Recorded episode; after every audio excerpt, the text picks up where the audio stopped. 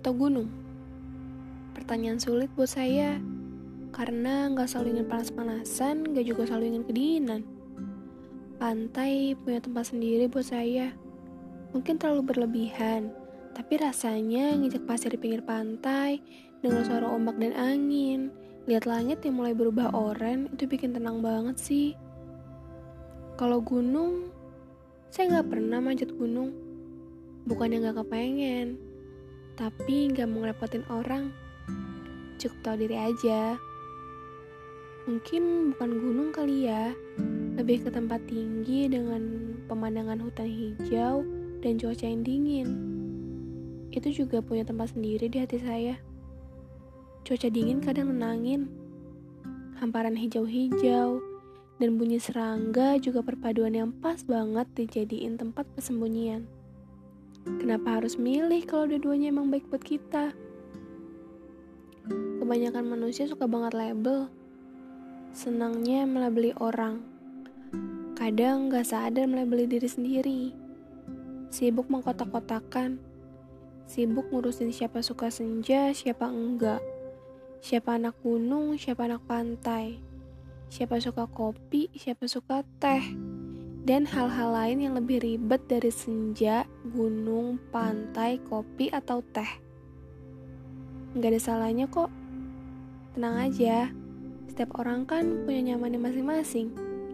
Yang salah itu kalau udah suka kopi nggak boleh minum teh. Kalau udah biasa ke pantai nggak boleh ke gunung. Salah nggak sih? Salah kan? Padahal mau ke mana pun tujuannya, Mau apa pun kesukaannya, pada akhirnya cuma sebentar. Sementara, besok-besok juga berubah, karena manusia nggak pernah puas. Dan setiap tempat, setiap hal, setiap orang punya jatah masing-masing di hati kita. Hati itu luas, jangan dipersempit dengan cuma suka ini atau itu. Harus dengan ini atau itu. Sayang banget kalau segalanya dibatasin. Ini nasihat buat diri sendiri sih, tapi nggak apa-apa kan berbagi.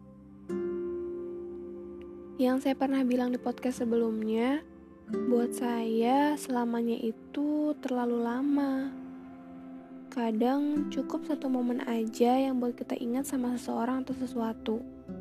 Dan akan terus begitu jika kita pergi ke tempat baru atau bertemu orang baru.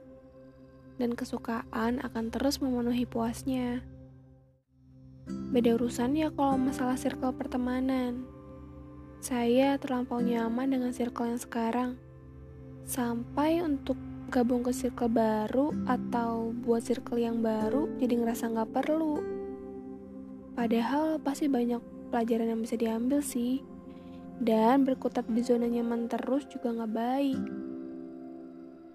Sedikit ada kekhawatiran kalau dengan circle baru Gak ada juga yang bisa jamin bebas dari rasa kecewa. Padahal untuk kecewa pun gak jauh-jauh dari circle yang lama.